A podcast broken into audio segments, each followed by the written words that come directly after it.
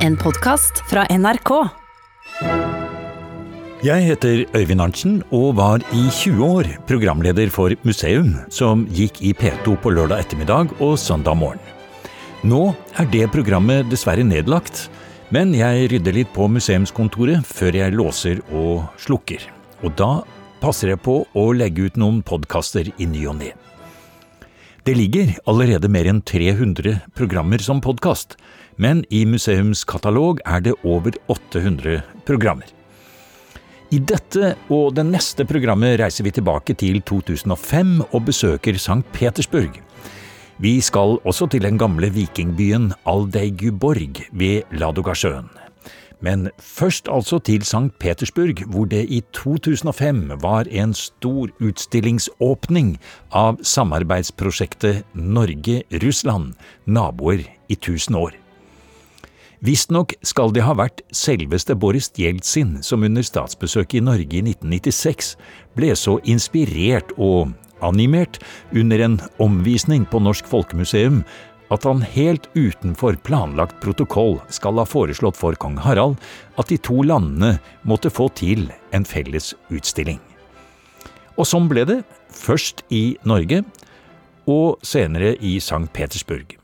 Etter direkte ordre fra Jeltsin ble tidligere lukkede kilder åpnet, og i den norske utgaven av utstillingen var det for eksempel en avdeling om redningsaksjonen for ubåten Kursk.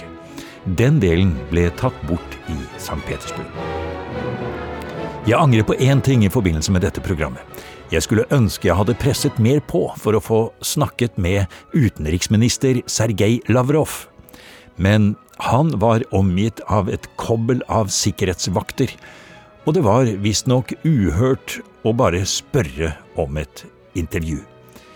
Men han gikk smilende rundt og var hjertelig til stede, og sto to meter fra mikrofonen da jeg intervjuet daværende utenriksminister Jan Petersen. Ingen andre norske mediefolk var der, men det var store mottakelser i den norske konsulatet, og både styreledere og direktører for det daværende Statoil og Telenor var til stede for å drive lobbyvirksomhet. For som utenriksminister Jan Petersen sa, denne utstillingen var mye mer enn en begivenhet i museumsverdenen. Dette er politikk. Dette er et virkemiddel å få de to landene sammen på. Det er så ofte at museer peker bakover, men vi bruker 2005-feiringen til like mye å fortelle om Norge i dag og, og verden fremover, og da er de norsk-russiske forhold en del av dette. De norsk-russiske forhold gjennom de siste tusen år, det er nettopp grunnen til at utenriksminister Jan Petersen var i St. Petersburg forrige uke.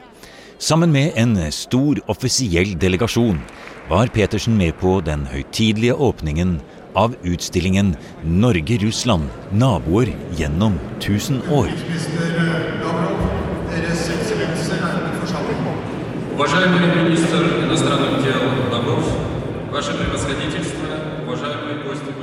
Vi er inne i en enorm sal i det russiske etnografiske museum.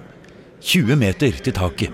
Granittsøyler og store bronserelieffer av alle folkeslagene i det gamle Sovjetunionen pryder veggene.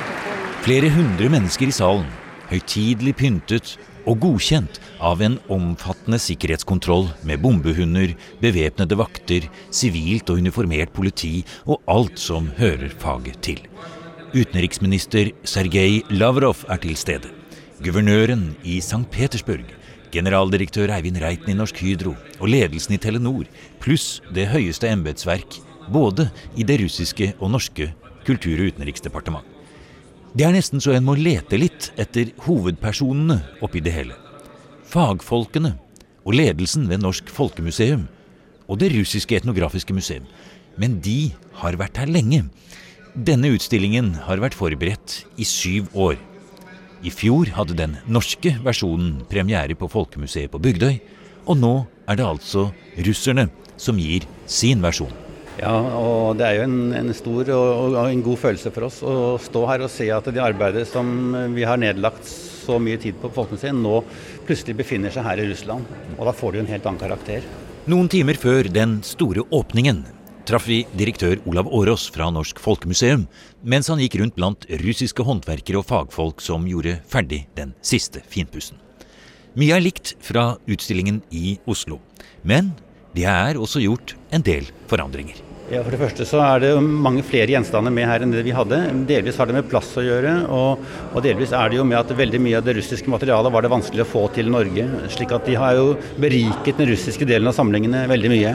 Og, og, og det er flott. Ellers så har de kanskje vektlagt noen andre ting enn det vi gjorde, men i aller meste så er de veldig tro mot det konseptet som vi har hatt. Og det, det er jo en, en rikere, nesten en rikere utstilling her enn den vi hadde, fordi materialet er rikere. Én ting er jo selve utstillingen som vi ser rundt oss eh, her nå. En annen ting er at det foregår et eh, stort eh, seminar mellom russiske og norske forskere på Det norske universitetssenteret her i St. Petersburg. Når du nå ser tilbake på hele dette løpet av forskjellige arrangementer og utstillinger og kontakter, hva har man oppnådd med Norge-Russland-naboutstillingen? Ja, noe av det som var Intensjonen var nettopp at vi skulle skape kontakter mellom fagmiljøene i de ulike landene. For Det er på den måten vi skaper kontakt og skaper eh, nærhet mellom nasjonene. Og det, og det, tror jeg vel prosjektledelsen kan bekrefte at dette har vi virkelig lykkes med. Og vi har tatt opp spørsmål som vi aldri tidligere kunne tale om, brennbare ting, eh, og hatt veldig gode dialoger. Og det er vel noe av det som er hensikten også med seminaret her i, i St. Petersburg i dag. Så det, nettopp dette var jo intensjonen også, tror jeg, fra norsk side, fra statens side, at man skulle ha en, en tilnærming mellom landene på flere nivåer.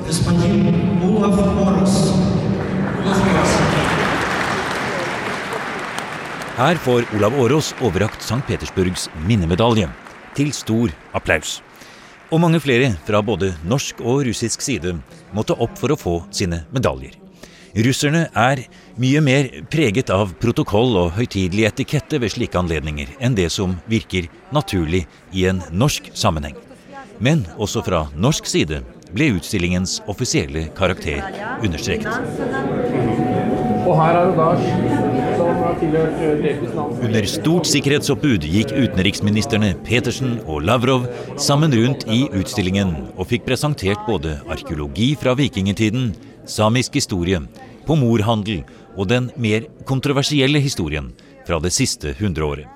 Her står de og ser på en dykkerdrakt fra den dramatiske redningsaksjonen på ubåten Kursk i oktober 2000.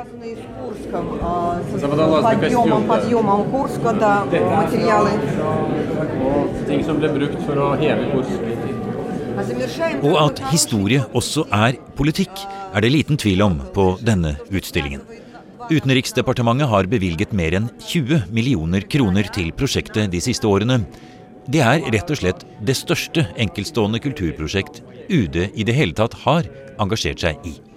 Telenor og Norsk Hydro har sponset med mer enn to millioner hver. Kong Harald og president Vladimir Putin er de høye beskyttere.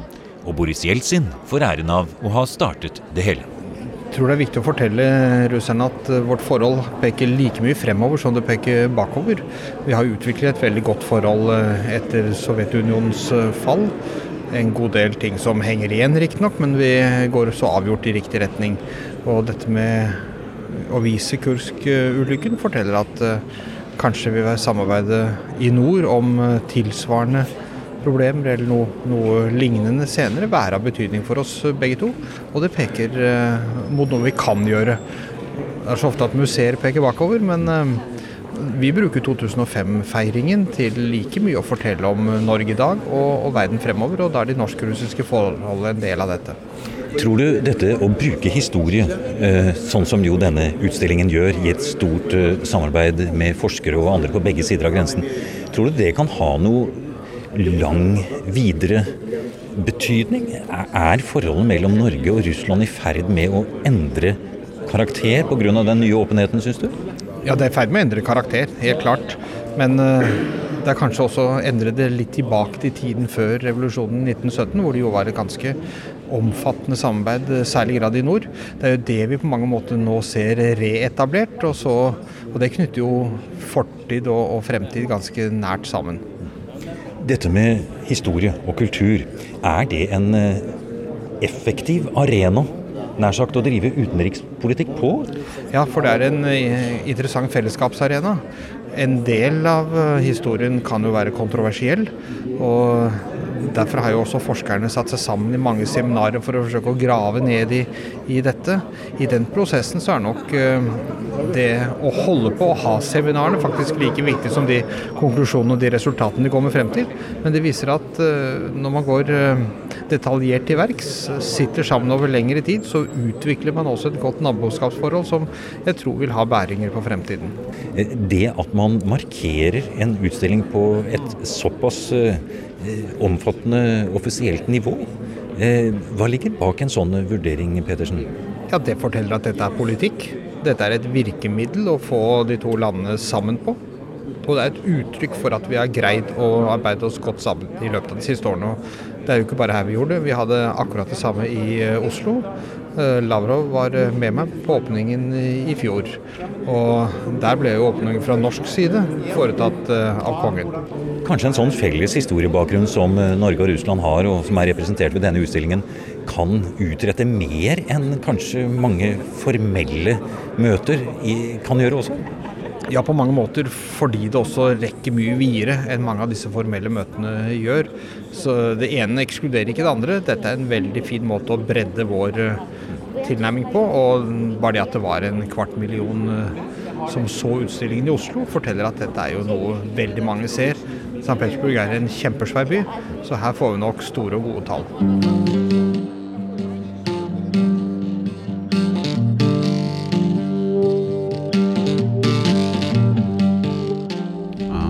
God dag. Jeg heter Dmitrij.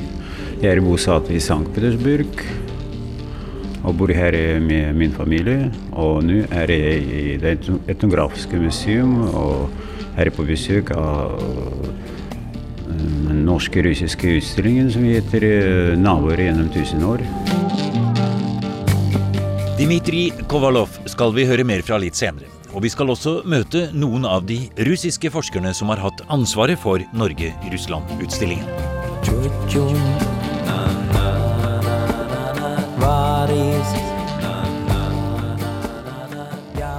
Dette er musikerne som spilte på åpningen. Samiske Niko Valkepe. Gardis.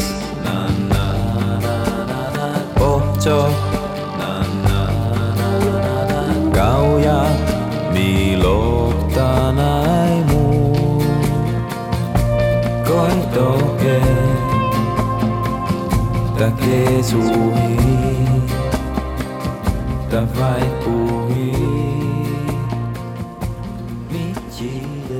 Daniela Byrsen, du var jo med på dette når det startet. og Nå er du i en annen jobb og er her nå som eh, nær sagt eh, gjest og ser hvordan eh, det hele har endt opp som du var med på å, å starte.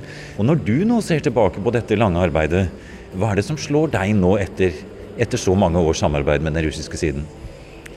Ja, Det slår meg også at uh, folk har selvfølgelig litt forskjellige oppfatninger av uh, vår felles historie. Og jeg syns det er veldig spennende også hva de har vektlagt, og hva de har kanskje også forandret på.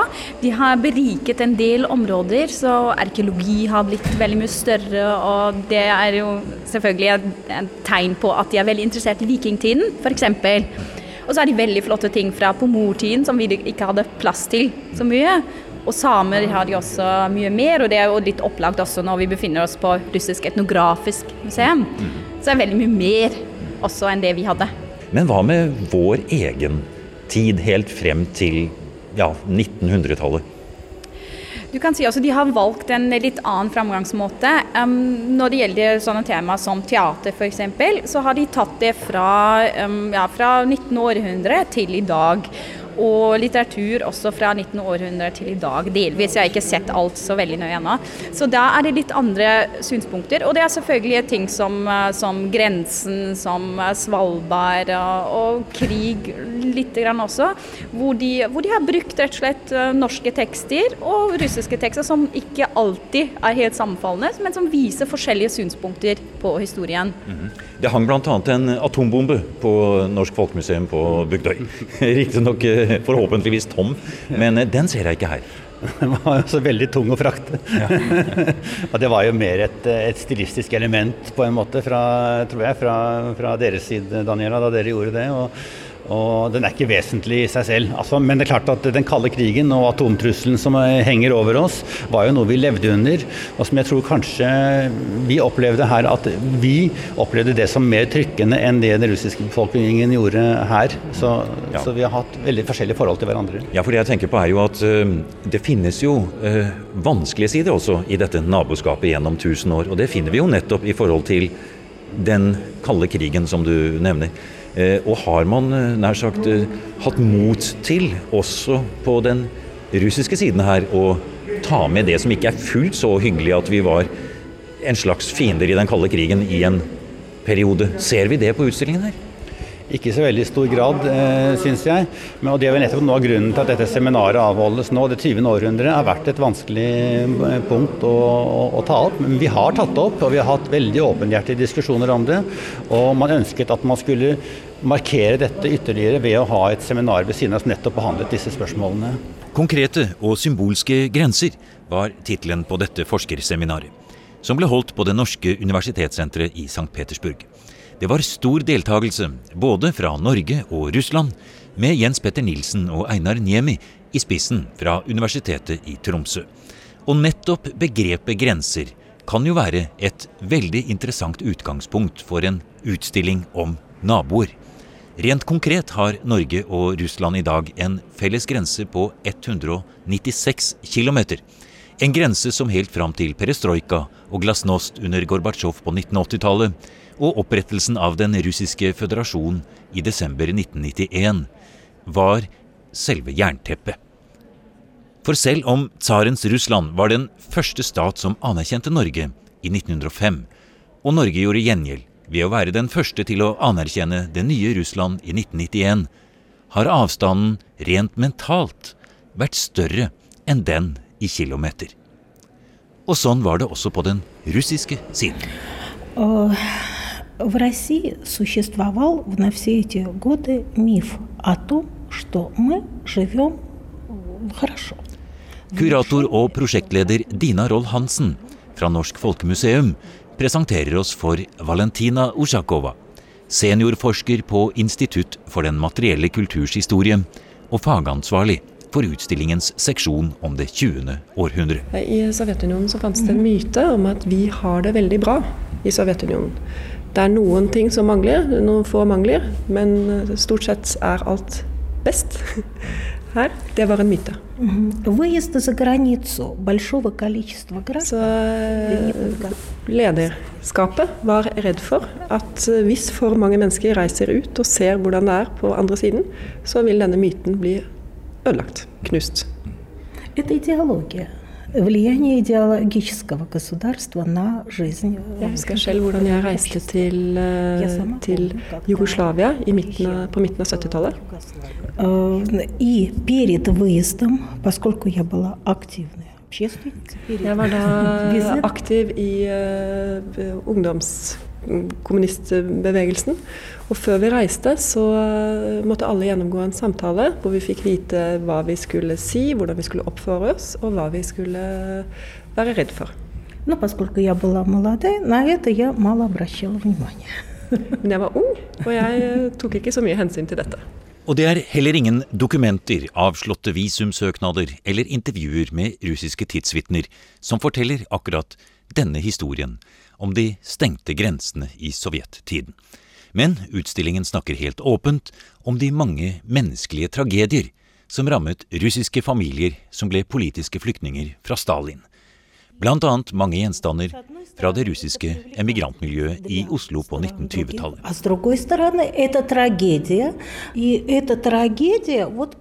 Men så var det dette med atombomben og Selmer Nilsens spionsender fra U2-episoden i Bodø. Hvor er det blitt av den kalde krigen.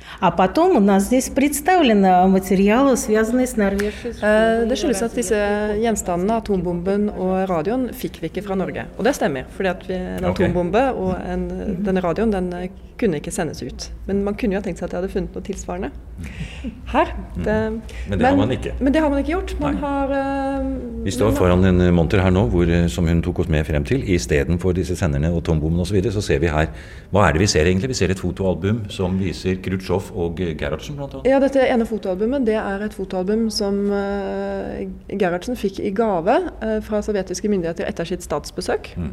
Og så her på siden så har vi uh, gjenstander fra russiskkurset i Forsvaret, som jo var en ah. utdannelse for etterretning. Hvor det da er et emblem for skolen, eh, FSES, og så er det samfunnslære om sovjetsamveldet. Det er en litt sånn hjemmesnekret eh, faktabok, hva som er lurt å vite om Sovjetunionen. Og nederst her så er det Genévekonvensjonene, som også var en veldig viktig del av deres utdannelse. hvordan man behandler krigsfanger. Og her i midten så ser vi en karikatur. En karikatur hvor den russiske bjørn spiser den lille eh, norske til frokost. Og det er Roar Hagens eh, eh karikaturtegning fra 1986. Truet, sier denne lille nordmannen med nisselua på hodet på tallerkenen til bjørnen. Hvordan det? Ну и пропаганда, которая... Люди смеются? Да, Русские, да, они смеются? Да. С твоим переводом, да, это понятно. Jeg spurte om russere ler når de ser denne karikaturen, og det gjør de, da. Hvordan oppfatter du egentlig de svarene vi, vi, får nå? Dette med at du ser at utstillingen er noe endret på enkelte punkter i vår egen samtid. Opplever du at de har forsøkt bevisst å dempe det som en mulig konfliktårsak? Både ja og nei. Altså, det er jo helt klart at det er dempet noe ned. Men jeg, øh, jeg, tror at det i stor grad henger sammen med at man ikke så på Norge som motparten i den kalde krigen. Mens vi selvfølgelig så på Sovjetunionen som motparten. Uh, for russere så er Norge et lite, hyggelig land. Altså, det, er ikke, det er ikke del av den kalde krigen. Så, så, vi blir på en måte fratatt eh, æren som motpart på et vis? Altså, altså, vi er bare en, slik jeg forstår nå, vi blir oppfattet som bare en sånn liten brikke i USAs store spill? ikke sant? I noen grad, ja. Og de har utelatt en del ting som at det var uh, om uh, trusler og Altså det er mer vekt på vennskapet og mindre på, på, på konfliktene. Men det skyldes også, skyldes også litt det at dette er en utstilling som her i veldig stor grad blir sett på som et offisielt prosjekt, et mm, vennskap mellom de to landene, og at man legger vekt på det på en litt mer offisiell måte enn man gjorde det i Norge. I Norge er man mer direkte ja. i den offentlige debatt og diskurs. Og jeg tror nok at man, når man leser tekstene som russer, så vil man kanskje oppfatte dem mer eh, Kanskje på en litt annen måte enn det jeg som norsk oppfatter. At det på russisk oppfattes mer, mer kontroversielt, kanskje, enn det jeg ser.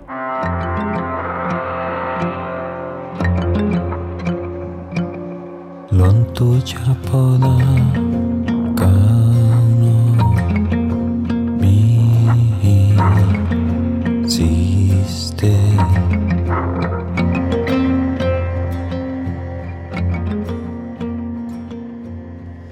Dette er politikk, sa utenriksminister Jan Petersen. Og det er mye å lære når man med norske øyne skal forsøke å forstå den russiske tenkemåten. Sammen med Valentina Usjakova står vi og leser en tekst ved siden av dykkerdrakten fra Kursk. Den er fra Isvestja og er ganske kritisk mot den russiske ledelsen av redningsaksjonen. Man lekte stormakt, står det.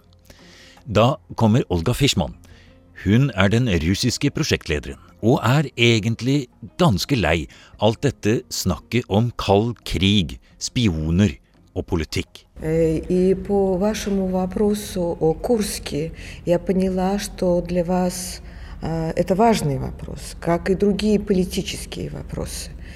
Jeg skjønner at Etter å ha hørt et spørsmål om Kursk, så skjønner jeg at dette er et viktig spørsmål for deg, slik som også andre politiske spørsmål. Российская публика устала от политики. Det russiske publikum er lei av politikk. И поэтому мы сделали акцент Derfor har vi lagt vekt på kulturell utveksling, på utveksling folk, mellomfolkelig utveksling. И поэтому мы Og derfor har vi gitt um, litt mer plass til å vise Norge som Norge. Altså bilder av Norge, uh, vikingtiden innledningsvis. Fordi at dette er interessant for uh, russere. Altså det å vise, presentere Norge som et sted og som et fenomen. Kan man da si at den russiske versjonen av utstillingen helt bevisst og med den begrunnelsen hun nå har gitt, har, at man da rett og slett har ønsket å ta ned det politiske innholdet? Да, я думаю, что этот процесс был отчасти сознательный, отчасти чтобы были шпионы, самотаж, холодная война. Это процесс взаимный. Jeg tror dette har vært en delvis bevisst prosess, delvis ubevisst. På samme måten som mine norske kollegaer hele tiden har insistert på å ha med spionasje, og kalde krigen, sabotasje osv. Så, videre. så alle disse temaene er med i prosjektet og i utstillingen, men uh, aksenten, uh, vekten er lagt på en litt annen måte, og temaene er uh, gjort litt mykere.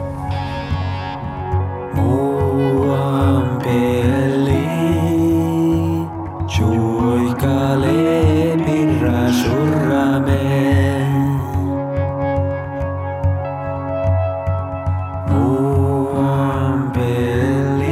de offisielle representantene har gått, blir jeg stående og se litt på en videofilm om Norge og 17. mai og pen natur. Da ser jeg også en mann som går rundt og ser interessert på utstillingen. Det viser seg at Dmitrij Kovalov har vært sjømann på russiske turistbåter i norske fjorder. Han har studert norsk ved Universitetet i St. Petersburg, og nå kommer han rett fra det norske konsulatet med visum til Norge. En flott utstilling, sier han.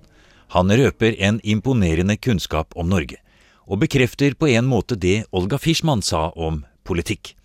Etter en så sterk overdose som den vanlige mannen i gata fikk i sovjettiden, er det flott at den tiden er over, sier Dmitrij. Sovjetmakten var i Russland bare 70 år. og Det er et, en kort periode. Hva kan vi si om denne perioden? I verdens historie. I Bibelen står det at jord er det kommet til jord, skal du bli av jorden er det oppstå igjen. Amen. Det er Bibelen. Og Bibelen også bor i 1000 år, kan man si det. ja.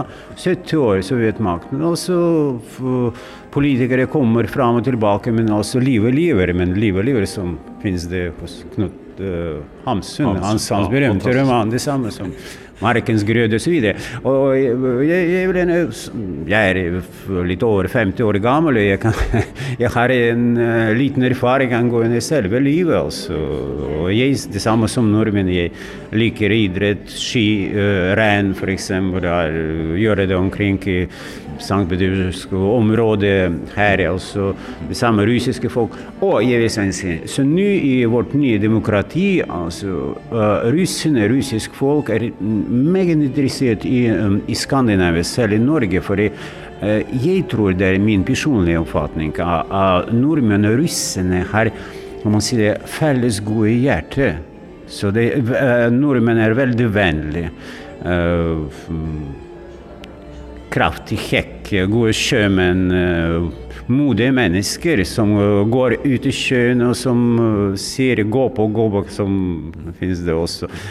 Hvis vi ikke bare litteratur, skal ikke ta ikke bare litteratur, men i selve livet under siste verdenskrig, i kampen for sin for frigjøring osv. For nordmenn liker ikke å bli under, undertrykket, sannelig som vi forstår, sannelig som vi har lest i norske bøker, i norsk historie. Og vi kan finne et fellespunkt av forståelse, jeg, og Uh, vennskap og Det kan bli ikke bare politiske og økonomiske kontakter. Det, det, det, må, bli, det må være først og fremst vennlige kontaktene. For det, alle kontakter går gjennom menneskets hjerte, først og fremst. Sannelig som vi forstår. Dette programmet ble sendt våren 2005 i det nå nedlagte programmet Museum. Dina Roll Hansen, Olav Årås og Daniela Bychten var blant de norske stemmene vi hørte i dette programmet fra Det russisk-etnografiske museum i St. Petersburg. Musikken var ved Niko Valkapé, og programleder var Øyvind Arntzen. I den neste podkasten fortsetter turen videre i Russland. Da skal vi være med Anne Stadsberg til Aldeiguborg ved Ladogasjøen. Du har nå hørt en podkast av programmet Museum fra NRK P2. Og send gjerne en e-post til museum.krøllalfa.nrk.no. nrk.no.